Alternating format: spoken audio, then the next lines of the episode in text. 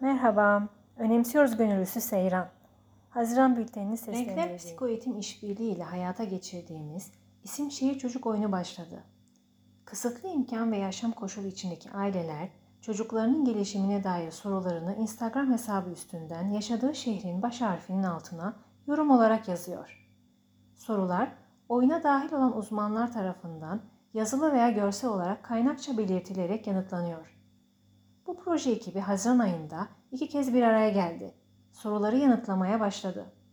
Erişebileceğimiz çocuk ve aile sayısını bu sosyal medya aracıyla arttırmayı hedefliyoruz. Oyunun ilk sorusu Balıkesir'den geldi. Ölüm temalı bu sorunun yanıtı için hazırlanan içeriklere isim şehir çocuk sosyal medya hesabından ulaşabilirsiniz. Psikoloji, psikolojik ve rehberlik danışmanlık, özel eğitim, çocuk gelişimi ve eğitim alanındaki uzmanların katılımına açık olan bu oyunun parçası olmak için başvuru formu İsim Şehir Çocuk Instagram hesabının profilinde. İsim Şehir Çocuk oyunu hakkında daha fazla bilgi için Melike Çıtak ve Sandra Pasensya'nın yer aldığı Öğretmen Kulübü toplantısını Öğretmen Kulübü YouTube hesabından seyretmenizi öneriyoruz.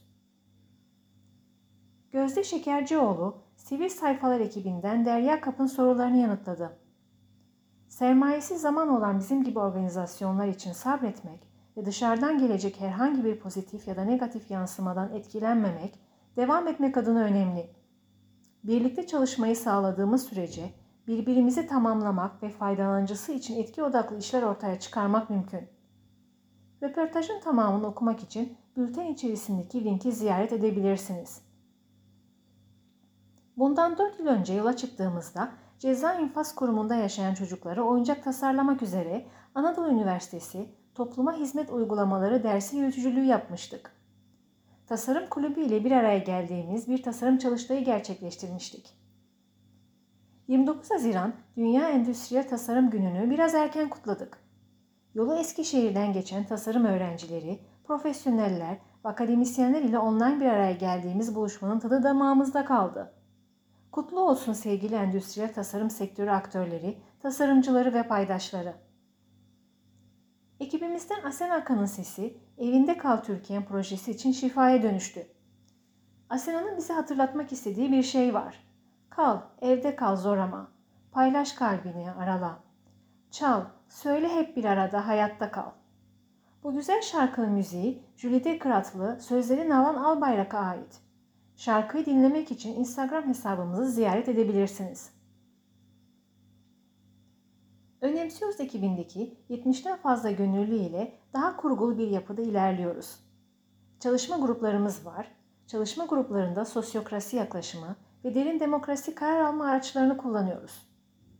Her ayın son haftasında ise tüm çalışma gruplarının temsilcileri bir araya gelerek bilginin yatayda ve daha sürdürülebilir olmasını sağlayacağı görüşündeyiz.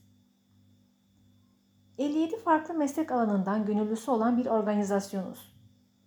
Organizasyonumuzdaki her kişinin mesleki bilgi ve birikimlerini disiplinler arası bir anlayış ile harmanlamayı önemsiyoruz. Bu ekibin bir parçası olmak isteyecek, haftada 30 dakika ile 2,5 saat arası değişen bir zaman dilimini ayıracak hukuk, sosyoloji ve sosyal hizmet alanındaki öğrenciler ve profesyonel ile bir araya gelmek istiyoruz. Gönüllü olmak ve çözümü birlikte geliştirmek isterseniz web sitemizde yer alan gönüllülük formunu doldurabilirsiniz.